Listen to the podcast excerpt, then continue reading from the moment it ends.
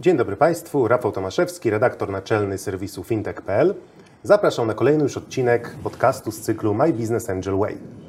Dzisiaj w studiu są ze mną Robert Ługowski, partner zarządzający Cobin Angels Dzień dobry. oraz Igor Rusinowski, inwestor, doświadczony anioł biznesu i prezes zarządu Unilink. Dzień dobry. Dzisiaj porozmawiamy już o samym procesie pracy ze startupami, o tym jak budować wartość dla spółki, no i o tym jak pomagać, ale żeby nie przeszkadzać. Ale żebyśmy do tego e, momentu doszli, to chyba najpierw musimy e, porozmawiać o tym, czego tak naprawdę startup potrzebuje od anioła biznesu. No oczywiście poza samym finansowaniem. Jakie tutaj są wartości, które e, anioł biznesu może przekazać startupowi? Tu Igor do Ciebie skieruję pierwsze pytanie. No, to myślę, że wszystko zależy od tego, kim są założyciele, tak? Natomiast generalnie z mojego doświadczenia, to oprócz tych pieniędzy, które są bardzo potrzebne na tym etapie, to myślę, że mm, przede wszystkim to jest kwestia często takiego ułożenia firmy od strony zarządczej, biznesowej, organizacyjnej, tak? Dlatego, że często E, Mamy do czynienia z założycielami, którzy robią biznes po raz pierwszy, tak? Mm, Wcześniej być może pracowali w korporacji i tak dalej, natomiast są zupełnie różne doświadczenia niż budowanie samego, samego biznesu, tak? Także myślę, że właśnie takie wsparcie od strony tego, jak tą firmę poukładać, jakie są priorytety, planowanie w ogóle działań, planowanie biznesowe, finansowe, myślę, że to jest jeden taki obszar. Drugi obszar to jest obszar taki, nazwałbym go networkingowy, tak? No bo często ten startup potrzebuje po prostu klientów, czy potrzebuje e, firm, e, w których mógłby te swoje rozwiązanie przetestować. E, No i bardzo często, bardzo często mm, założyciele nie mają tak szerokiego powiedzmy jak mogą mieć aniołowi biznesu. Myślę, że to jest taka długa, druga bardzo, bardzo ważna bardzo ważna wartość. No i trzecia, to myślę, że to jest taka, to jest kwestia tej samotności lidera, tak? Myślę, że mm, założyciele, czy w ogóle ludzie, którzy prowadzą firmy, że bardzo cenna jest możliwość takiego, posiadania takiego intelektualnego sparring partnera, z którym można coś po prostu przegadać, omówić, jakąś burzę mózgu zrobić i tak dalej. I wydaje mi się, że ja jestem inwestorem w tej chwili w siedmiu startupach, ale na różnym etapie rozwoju już w tej chwili są. Ja myślę, że y, we wszystkich właściwie, no poza jednym, to są biznesy spoza mojego tego ubezpieczeniowego mm, biznesu. No ale mimo to, mimo to właśnie, a może właśnie dzięki temu, tak, jako osoba, która w konkretnej branży, nie wiem, na przykład spożywczej, tak, no nie mam jakiegoś tam doświadczenia, no to myślę, że właśnie takie spojrzenie świeże y, spoza tego, a to na tym rynku, a tu konkurent tak dalej, myślę, że daje też dużo, dużo wartości. Robert, może chcesz właśnie coś dodać? Tak, ja, ja może cofnę się trochę wcześniej, bo bardzo istotny jest ten dobór inwestora i startupu e, i warto podkreślić, że to nie jest zawsze tak, albo często nie jest tylko tak, że e, startup potrzebuje inwestora. Inwestor również ma swoje cele, oczekiwania i tak jak tutaj e, Igor mówi, też bycie na przykład w spółkach poza branży, spoza branży może takiego inwestora w jakiś tam sposób rozwijać. Może na przykład być tak, że inwestor będąc w korporacji właśnie chce zobaczyć, jak wygląda taki prywatny biznes i, i na przykład z tym wiąże jakieś tam swoje dalsze plany rozwoju. Tych motywacji może być dość dużo. Istotne jest, żeby strony znalazły, tak się dobrały i znalazły taką formę współpracy, żeby wzajemnie się jakoś ubogacały, dawały sobie jakąś wartość. Jest też takie powiedzenie, że też na takiej stopie po prostu czysto ludzkiej, komunikacyjnej, jeśli nie poszedłbyś z kimś na piwo, z takim inwestorem właśnie, no to nie warto się z nim wiązać, bo to jest jednak związek na, na kilka, czasem nawet na kilkanaście lat, więc warto też zwracać uwagę na takie dopasowanie zarówno biznesowe, jeśli chodzi o cele, ale też takie po prostu ludzkie, jeśli chodzi o oczekiwania i komunikację. Czyli to prawda, że trzeba, że anioł biznesu, inwestor musi lubić foundera i odwrotnie, że musi być ta chemia między nimi, żeby biznes się udał? Czy, bo też spotkałem się z takim wcześniej już poglądem, ty go de facto potwierdziłeś, ale jeszcze dopytam, czy, czy faktycznie tak jest, czy, czy jednak zdarzają się też udane biznesy, jeśli wcale tak nie dogadujemy się dobrze z drugą stroną? To może być sparring partner, natomiast na pewno nie jest dobrze, jeśli strony nie potrafią ze sobą rozmawiać i to prowadzi do konfliktów, bo biznes startupowy jest na tyle trudny, że dokładanie sobie kolejnych jakby jeszcze e, wyzwań no, nie jest nikomu, dla nikogo korzystne. Tak, znaczy ja myślę, że lubić w idealnym świecie tak. Ja myślę, że przynajmniej, tak jak Robert mówi, żeby się rozumieć, dogadywać, bo absolutnie założyciele nie potrzebują jeszcze kolejnego wyzwania w postaci tego, że jest inwestor, z którym się nie można dogadać, mamy zupełnie inne wizje i jak one są, to jest jeszcze ok, tylko jeżeli nie jesteśmy w stanie się skomunikować i znaleźć jakiegoś konsensusu, to myślę, że jest fatalnie i wtedy i wtedy to po prostu mogą być bardzo trudne sytuacje. E, lubić, e, myślę, że przede wszystkim szanować, e, inspirować, umieć się dogadywać. E, Nie zawsze to muszą być wielkie przyjaźnie, tak? bo to myślę, że też, też, też nie o to chodzi. Aczkolwiek jeżeli są, to, to bardzo fajnie. No właśnie, jak odpowiednio mm, dopasować działania jako anioł biznesu do skali startupu, do doświadczenia foundera, bo tutaj te potrzeby są dosyć mocno zróżnicowane w zależności od, od skali działalności, więc Igor tutaj może e, Tak, znaczy ja, ja myślę, że to y, właśnie zależy od tego, mm, czego dany startup i jego założyciele potrzebują, tak? Dlatego, że myślę też, że e, na takim etapie zupełnie, zupełnie początkowym, no to, no to też nie ma sensu moim zdaniem zasypywać tego, zwłaszcza jak jest mała, mały zespół, mała, mała, mała ekipa, tak? Na pokładzie zasypywać tego startupu dziesiątkami, że tak powiem, pomysłów, zadań i tak dalej, bo ze swojego doświadczenia budowania firmy praktycznie od zera wiem, że no, trzeba, jest pokusa jako przedsiębiorca, żeby robić bardzo dużo rzeczy, otwierać ileś kanałów sprzedaży i tak dalej. E, I gdzieś tam warto o tym myśleć, ale też warto się skoncentrować na czymś, tak? Więc wydaje mi się, że taki anioł, który, który zarzuca, zalewa tą spółkę mm, i, tą, i tych założycieli pomysłami, to, te, to, też nie jest, to też nie jest dobre, tak? E, A później z kolei w kolejnym etapie, w kolejnych etapach, kiedy już gdzieś tam ten biznes zaczyna w tym swoim powiedzmy priorytetowym modelu działać, no to wtedy myślę, że jest właśnie przestrzeń na to i to jest potrzebne, żeby otwierać założycielom oczy na, na różne inne możliwości, które mogły im po prostu nie przyjść do głowy, bo na przykład w danej branży jakiś kanał sprzedaży do tej pory nie funkcjonował, ale może warto go spróbować, tak? Także, e, także myślę, że to jest taka, taka, taka mm, żeby nie też nie, nie zalać spółki zadaniami, pomysłami, żeby właśnie pomóc jej się skoncentrować i założycielom na najważniejszych rzeczach. Ja jeszcze bym tylko dodał e, to, że mm, bycie inwestorem to wcale nie jest tak prosta rzecz, e, bo chociażby to, co mówisz, żeby z jednej strony e, umieć słuchać, e, tam zaangażować się też podpowiedzieć, gdzie, jest, gdzie to jest potrzebne, ale nie narzucać e, swoich pomysłów, doświadczeń.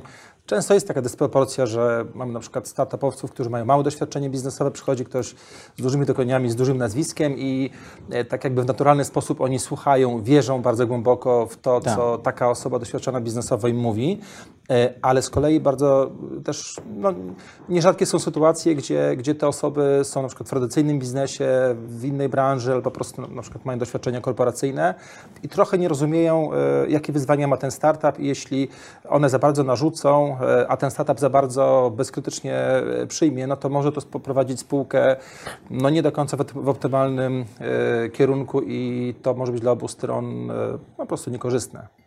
Tak, wydaje mi się, że też jest tak, że jeżeli, zwłaszcza na tych początkowych etapach, kiedy jest zespół mały, e, a inwestor z kolei albo sam prowadzi duży biznes, albo, albo jest powiedzmy w dużej korporacji i tak dalej, gdzie jest dużo osób, które różne rzeczy mogą robić e, i później przekazuje te jakieś swoje powiedzmy tam pomysły czy rekomendacje, a funderów jest powiedzmy dwóch i nikogo więcej nie ma, no to oni nie są w stanie tego po prostu przerobić, tak, że my często mm, jakby zapominamy o tym, że no, doba ma 24 godziny, nie wszystko da się zrobić w tym samym czasie, tak? Tak, inną miarką się po prostu Tak. mierzy i, e, i można tego nie zauważyć w takim właśnie no, szybkim, dosyć dynamicznym podejściu.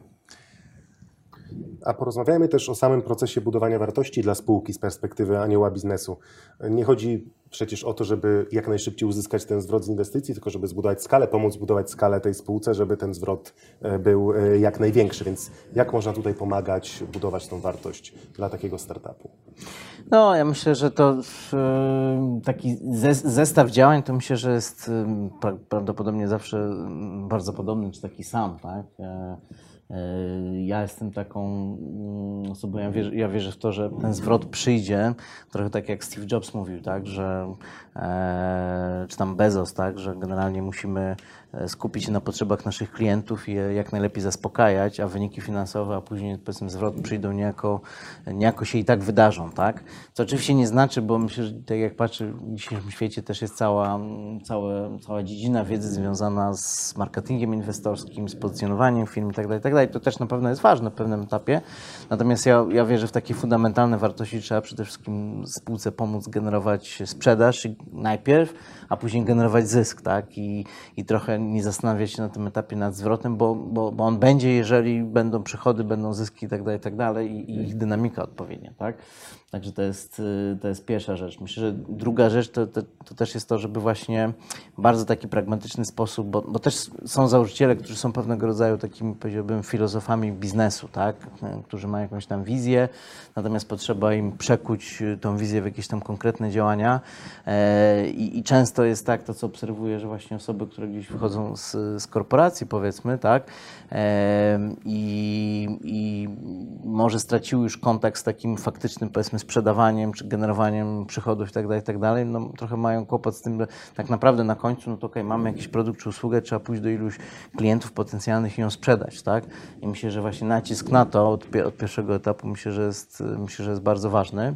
E, Kolejna rzecz, myślę, bardzo wartościowa, tak? No to jest właśnie ten network, gdzie często startupy potrzebują, e, na przykład działające powiedzmy w obszarze B2B, tak? Potrzebują firm czy firm, które mogłyby jakieś rozwiązanie sprawdzić, przetestować, czy być pierwszymi klientami, tak?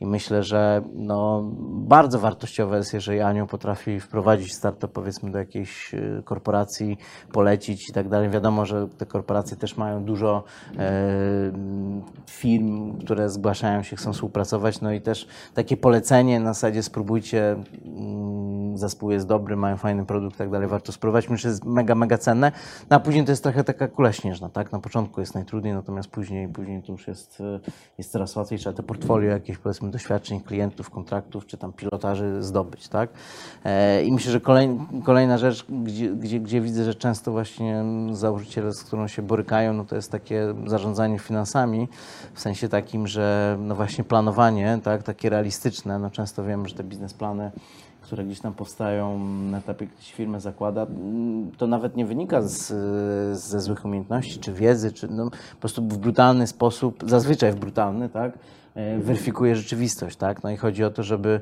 jednak dysponując jakimś ograniczonym budżetem, planować te finanse tak, żeby, żeby wiedzieć, że na przykład się gotówka za 3 miesiące najprawdopodobniej sk- skończy i że jeżeli tak, no to pewnie dzisiaj trzeba się zastanawiać nad tym, co z tym zrobimy, a nie, a nie za 2,5 miesiąca, tak? Bo wtedy może się okazać, że nie ma czasu albo nikt nie chce dać, bo jest jakaś tam dramatyczna sytuacja, tak? No i kolejna rzecz, no to jest, y, to jest moim zdaniem budowanie zespołu, tak? Bo, bo, bo dzisiaj jest ym, wojna o talent, tak? E, Jest y, brak ludzi do pracy, jest, jest, jest, jest wyścig, że tak powiem, zbrojeń o dobrych pracowników i wydaje mi się, że e, generalnie startupy są dość hot, jeżeli chodzi o miejsce pracy, tak? Bo ludzie chcą w nich pracować, bo są fajne doświadczenia, nowe rynki, jakieś nowe, nowe inicjatywy, pomysły. E, No ale to też, też jest tak, że ci pracownicy chcą mieć jakiś tam komfort, powiedzmy, czy finansowy i tak dalej, więc wydaje mi się, oso- osoby aniołów mogą w tym pomóc startupowi, mówiąc, że no, stoję, czy tam stoimy za nimi, wierzymy w ten biznes, inwestujemy tylko czas, ale pieniądze, tak? Także myślę, że to są takie, takie, takie główne, główne obszary. Y, Zgadzam się, y, szczególnie w tym pierwszym etapie takie uwiarygodnienie y, jest istotne, jeśli chodzi o team i klientów i tak dalej, no bo jeśli ty, będąc doświadczonym y, no, przedsiębiorcą, uwierzyłeś i zainwestowałeś, y, wspierasz ich, no to, to dla innych jest jakiś tam sygnał istotny.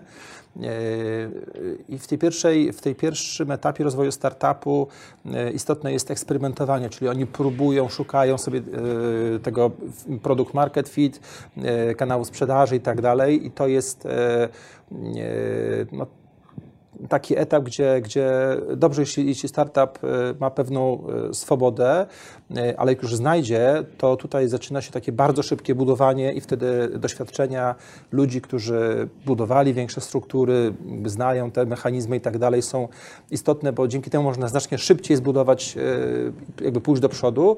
I trzecia rzecz jest taka, że ma znaczenie, jaka ta strategia rozwoju jest, tak? bo może na przykład, nie wiem, zbyt długo zostać na rynku lokalnym, przez to jakąś tam szansę stracić, albo na przykład nie zauważyć pewnych, e, pewnych szans gdzieś tam za granicą. I oczywiście wycena takiego startupu, jeśli mówimy o budowaniu wartości, które na przykład ma, nie wiem, 10 milionów sprzedaży tylko w Polsce, będzie zupełnie inna niż to jest 10 milionów na 10 rynkach e, tam europejskich czy, czy, czy, czy globalnych, E, no bo wtedy z punktu widzenia kolejnej rundy inwestycyjnej, kolejnych inwestorów, jeśli startup potrafi sprzedawać międzynarodowo, standardowo, no to oznacza, że dolewając paliwa w postaci kapitału, no możemy dosyć szybko tą sprzedaż zwiększyć, a na polskim rynku być może już ten rynek będzie nam się wyczerpywał i, i trzeba znów eksperymentować, próbować na tych rynkach zagranicznych, więc y, też takie pokierowanie y, strategiczne jest istotne, nawet w takich prostych rzeczach jak y, chociażby ta rzeczona współpraca startupu z korporacją. Bardzo często też jest tak, że startupy mm, wchodzą w taką współpracę, mają bardzo takie daleko idące oczekiwanie. Wydaje mi się, że tego Pana Boga za nogi złapały i że z tą korporacją to już zawojują świat, a z perspektywy pewnie kogoś doświadczonego, kto albo był w takich korporacjach, albo pracował z nimi, można łatwiej ocenić, czy tam rzeczywiście y, tak może być, czy ci menadżerowie w korporacji mają zupełnie inne KPI i traktują to na przykład jako tylko CSR, tak? Więc tutaj jest takich trochę aspektów, które po prostu wynikają z doświadczeń y, takich biznesowych, a czasem nawet życiowych, y, które może taki business angel przekazać startupowi. A jakie główne wyzwania tutaj mogą się pojawić e, na tym etapie z punktu widzenia inwestora? Na co trzeba się przygotować, z czymś trzeba się liczyć? Jakie tutaj mogą być? Jako inwestor, tak? Tak, jako inwestor. Jakie tutaj y, wyzwania po stronie inwestora czekają? Znaczy myślę, że pierwsze no to jest pewnego rodzaju mm, cierpliwość i tolerancja na mm, błędy popełniane, tak? Bo e, jeżeli chodzi o cierpliwość, no to zazwyczaj jest tak, że na etapie planowania biznesu założyciele Zazwyczaj e, wydaje się, że mm, zbudowanie produktu czy usługi, zbudowanie zespołu, wyjście na rynek, że to zajmie mm, o wiele mniej czasu niż później w praktyce to jest. Tak? To myślę, że to jest typowa rzecz. E, I jako inwestor trzeba być po prostu cierpliwym, bo zazwyczaj to nie trwa tyle, ile się wydaje, kosztuje zazwyczaj więcej niż, niż się wydawało na początku. To jest jedna rzecz. Druga rzecz, no, trzeba mieć tolerancję na błędy, no bo z definicji e, startup wręcz powinien uważać, uważam, że powinien popełniać błędy, tak jak Robert mówił, no, że jest ten etap takiego właśnie próbowania, eksperymentowania i myślę, że e, bardzo ważne żeby też założyciele mieli odwagę próbować modyfikować pomysł, z którym wystartowali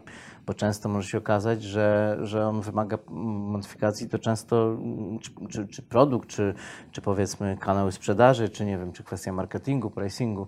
I, i to jest o tym, że trzeba to, to, tą rzeźbę cały czas kształtować, no i inwestor musi też dawać przestrzeń na popełnianie tych błędów, tak, bo myślę, że no tak jak to właśnie tam ostatnio czytałem książkę Amazonii o Bezosie, tak, że, że, że, że, że oni popełnili mnóstwo, mnóstwo błędów, tak, tylko że błędy popełniają tylko ci, którzy próbują rzeczy, rzeczy robić, tak, więc jako inwestor nie chcesz, żeby startup nie popełniał błędów, bo to znaczy, że po prostu zbyt mało y, prób podjął i zbyt mało eksperymentów zrobił, tak, także tole, cierpliwość, tolerancja na właśnie popełnianie, popełnianie błędy i to, że no, mogą być różne rodzaju, różnego rodzaju tak powiem, zawirowania, tak? No, ktoś z założycieli może zrezygnować, komuś się mogą skończyć pieniądze e, i tak dalej, i tak dalej. No to, to jest bardzo dynamiczne środowisko i trzeba mieć po prostu, no to nie jest inwestycja w obligacje skarbowe, tak? Rządu tam, nie amerykańskiego czy niemieckiego, tak? No to są inwestycje bardzo, bardzo dużego ryzyka i generalnie, no dlatego trzeba jako inwestor mieć ten portfel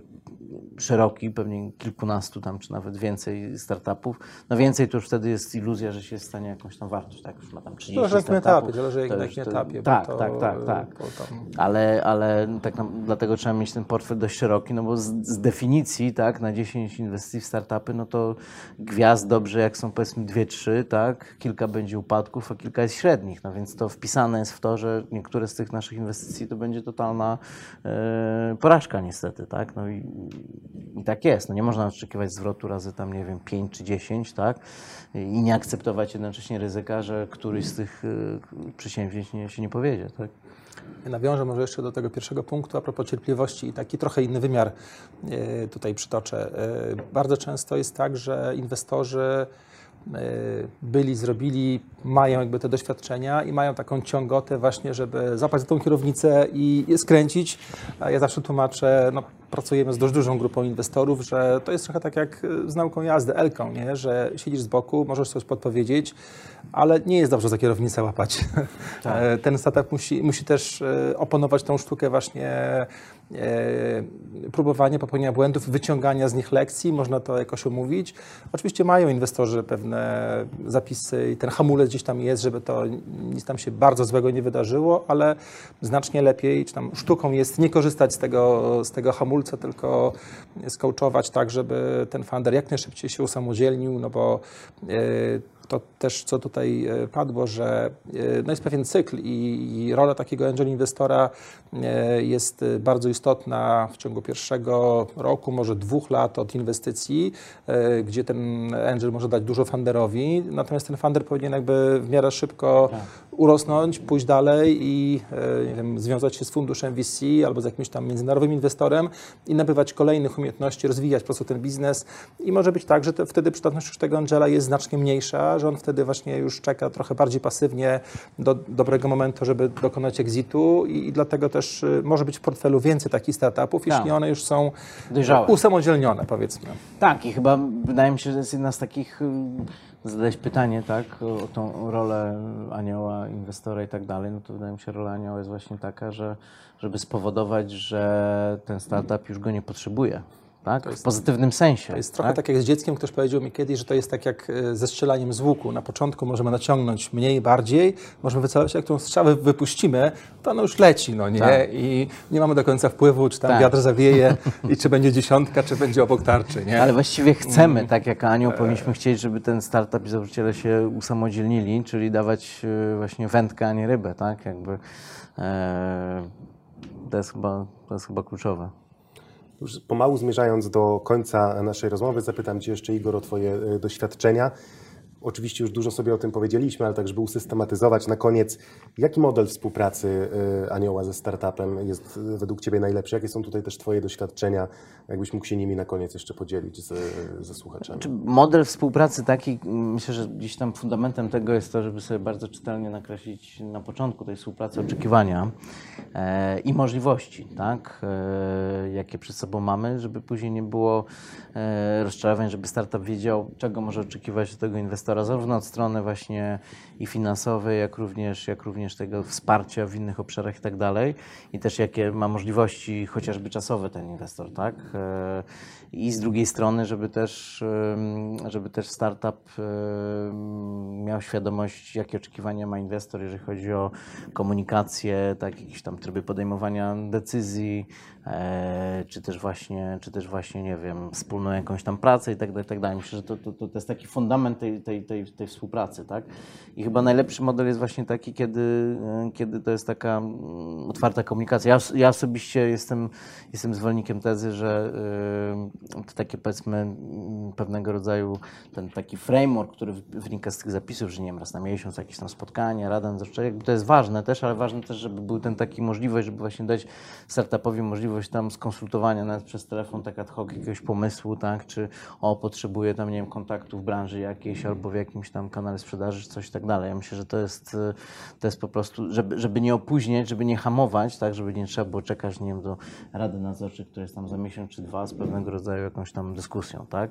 E, także to jest to. No i myślę też, jeżeli chodzi o oczekiwania, no to takie też określenie właśnie sobie dość wcześnie, jak długo ten anioł chce być, tak, jakie, jakie cele chce zrealizować, jakie cele startup chce zrealizować, tak, jak długo sobie będą w jakiej formule po, mm, potrzebni, tak, więc to myślę, że bardzo dużo jest potrzebnej takiej otwartości i transparentnej komunikacji.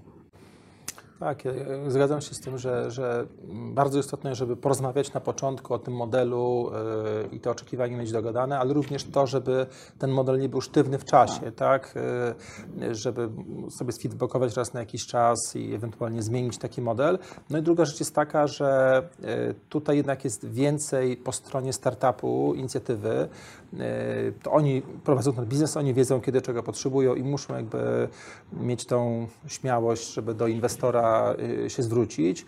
E, również po prostu muszą się nauczyć tych relacji inwestorskich, bo angelowie są pierwszymi inwestorami, takimi pewnie, z którymi trochę łatwiej jest się porozumieć, pewnie są też bardziej tacy wyrozumiali, nie mają takich sztywnych e, tych oczekiwań. Potem będą fundusze, e, banki inwestycyjne i tak dalej, więc to jakby już wchodzimy w bardzo takie konkretne tryby i, e, i to, żeby e, ten startup miał pewien pomysł na, na to, czego potrzebuje inwestorów, jak zarządza jakby tą grupą interesariuszy.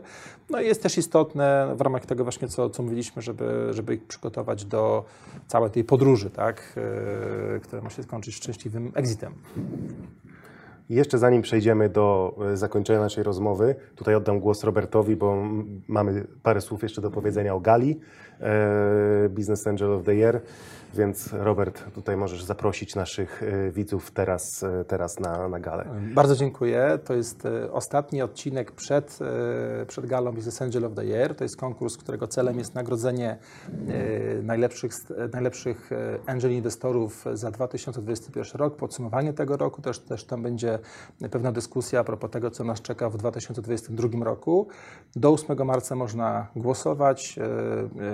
Głosowanie jest dostępne na naszych stronach e, internetowych e, a 15, e, lut- 15 marca przepraszam, odbędzie się e, gala, która będzie transmitowana. Również zapraszamy do e, obejrzenia tej gali. Tam będzie na pewno sporo takiej wiedzy i przykładów bardzo efektywnych e, aniołów biznesu, którzy odnieśli sukces.